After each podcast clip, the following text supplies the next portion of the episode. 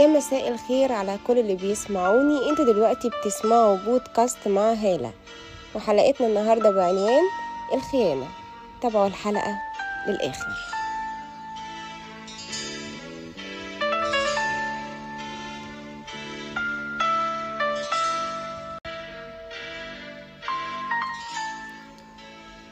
من أسوأ الأفعال اللي ممكن يرتكبها أي شخص هو الشخص اللي بيخون.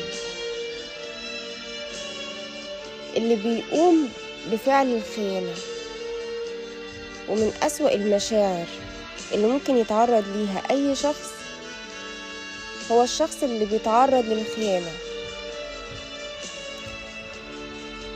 الخيانة أنواعها كتير. في خيانة الأصحاب خيانة الجيران خيانة الأقارب.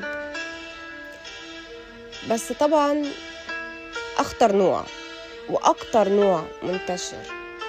هو النوع اللي هتكلم عنه في حلقة النهاردة. هو خيانة الرجل للمرأة.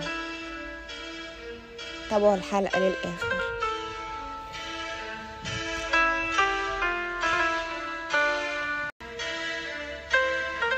نسبة خيانة الرجل للمرأة تتراوح بين حوالي سبعين لتمانين في المية. بينما خيانة المرأة للرجل لا تتعدى العشرين في المية على مستوى العالم. الأكثر انتشارا هي خيانة الرجل للمرأة. طيب بيكون أيهما أصعب؟ دايما بيقال خيانة المرأة للرجل أصعب. لا هي خيانة الرجل للمرأة أصعب. لأن حتى لو المرأة تعرضت إن هي تكون أو وقعت إن هي تكون ضحية إن هي تسمى خاينة فبرضه بيكون الرجل هو الأساس وهو الدافع الأساسي إنه يدفعها إن هي تكون خاينة فالرقم واحد وأصعب أنواع الخيانات هو خيانة الرجل للمرأة لأن ممكن في نسبة من النساء بتتحول لخاينة نتيجة خيانة الرجل ليها.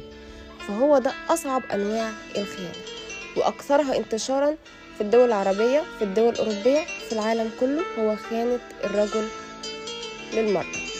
طب كيف تستفيدين من خيانة الرجل ليكي وكيف تحمين نفسك من الخيانة مستقبلا؟ ده اللي أنا حبيت أتكلم عنه النهاردة في حلقة النهاردة. كيف تستفيدين من خيانة الرجل ليك؟ طب هي فيها استفادة؟ أكيد. تابعوا الحلقة للآخر. وكيف تستفيدين من خيانة الرجل؟ وكيف تحمين نفسك من خيانة الرجل؟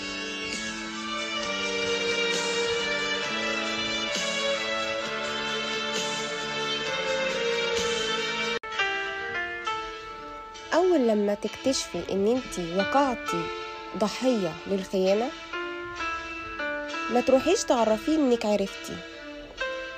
لأ راقبيه راقبي تصرفاته. إيه اللي استجد عليه؟ إيه الحاجات اللي بقى يحبها والحاجات اللي مبقاش يحبها؟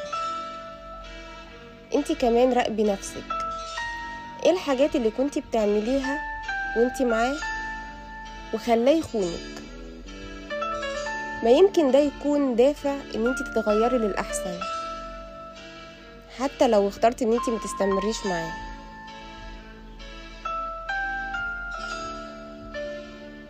أوقات كتير بتكون الخيانة لصالح المرأة لأن أحيانا بتعرفها أو بتخليها تكتشف الجوانب الموجودة فيها القوية فيها اللي هي مكانتش ظاهرها وبتقدر بعد كده إن هي تشتغل عليها وتظهرها.